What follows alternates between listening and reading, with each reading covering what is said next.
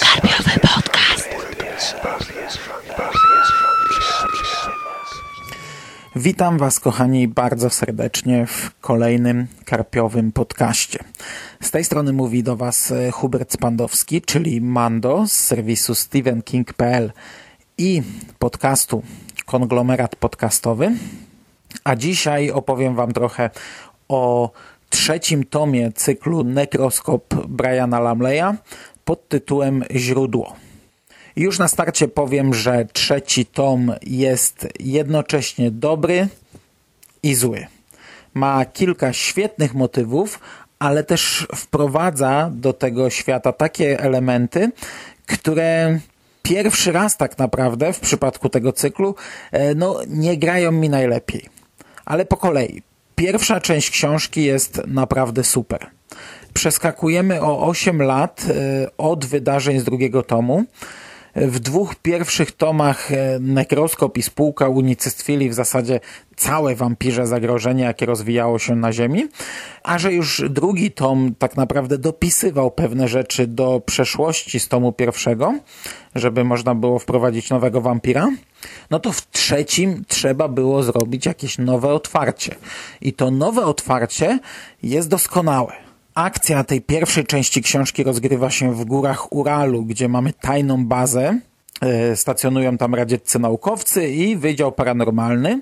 Dowiadujemy się, że jakiś czas temu Rosjanie testowali tarczę laserową przeciwko bombom no i coś im nie wyszło i coś pierdyknęło i, i w górach mamy wielką wyrwę i, i, i wielką otchłań i bramę do innego świata, do innego czasu i innej przestrzeni. Sam ten eksperyment y, no, przeszedł bez echa, ale gdy powstał ten portal do innego świata, do innego wymiaru, ta szara dziura, no to przez nią zaczęły przedostawać się do naszego świata różne potworności. I jedna z nich e, no, przedostała się na taką skalę, że zaniepokoiła świat.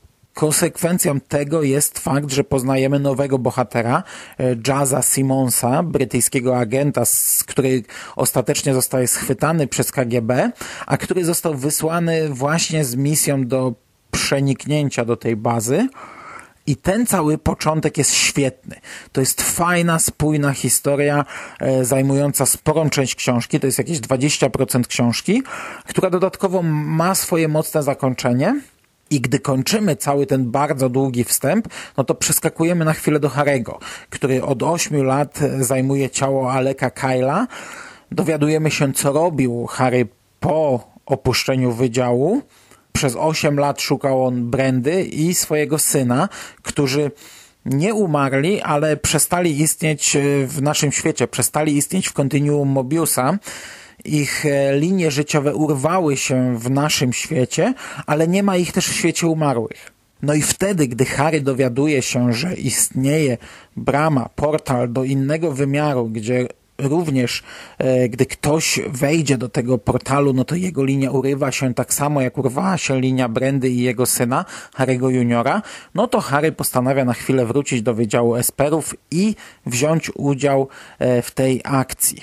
Tradycyjnie, jak to w negroskopie bywa, wiele rzeczy prowadzonych jest nieliniowo e, i na zasadzie monologów bohaterów najpierw dostajemy streszczenie wydarzeń z poprzednich tomów, a potem wyjaśnienie historii Jazza Simonsa, który w tej pierwszej części książki był dla nas jeszcze tajemnicą. My nie wiedzieliśmy, jakie są motywacje tego bohatera, skąd on się wziął, kto go tam wysłał i po co. Tego dowiadujemy się dopiero z opowieści, jaka zostaje serwowana negroskopowie.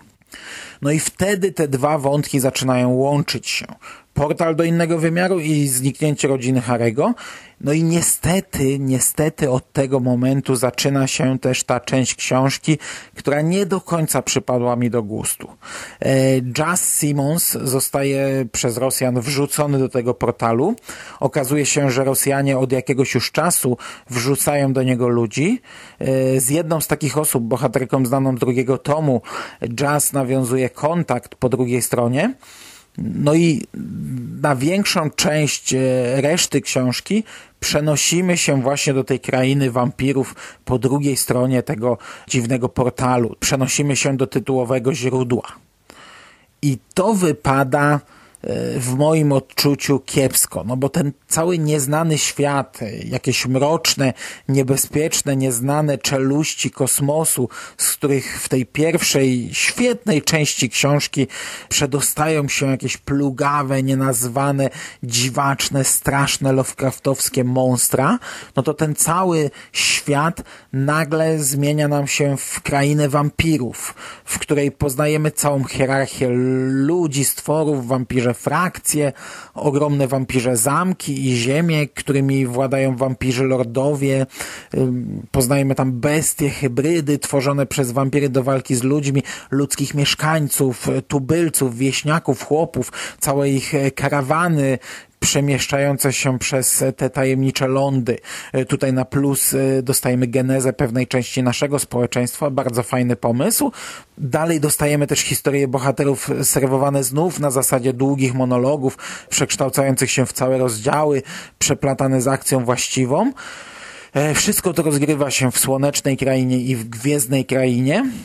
Ostatecznie dochodzi do nasilenia się konfliktów, mamy spiski, knowania, walki wampirów o władzę i o ziemię i o tytuły, a, a wreszcie wielką wojnę z tajemniczym rezydentem. I to jest kierunek, który mnie naprawdę bardzo umiarkowanie odpowiadał. W tym przypadku ja naprawdę jestem raczej na nie. Ta pierwsza część serwowała mi naprawdę taką mroczną tajemnicę, taką, e, takie e, nieznane miejsce, które budziło przerażenie, a gdy karty zostają odsłonięte, no to dostajemy mm, krainę cienia i, i gwiezdną krainę i krainę słońca. Co ciekawe, w tym tomie znów w zasadzie niemal wszystko zostaje doprowadzone do końca i, i wyzerowane. Więc kolejny tom znów pewnie zaczniemy z czystą kartą. Na szczęście ten motyw e, zainfekowanej rosyjskiej bazy w górach Uralu nie został całkowicie porzucony na resztę książki, przeplatał się z wydarzeniami z tego innego świata, no i to było coś dobrego. To było coś, co tak naprawdę trzymało mnie przy tej lekturze. To był przykład brutalnego, pierwotnego, agresywnego, krwawego horroru. No i podsumowując, no trochę to jest słabe, że ostatecznie, gdy weszliśmy do tego świata wampirów, to dostaliśmy jakąś popierdółkę rodem z Unrace, a wystarczyło, że mała cząstka tego świata przeniknęła do naszego, i, no i już serwuje nam w tym momencie fajny, prawdziwy horror.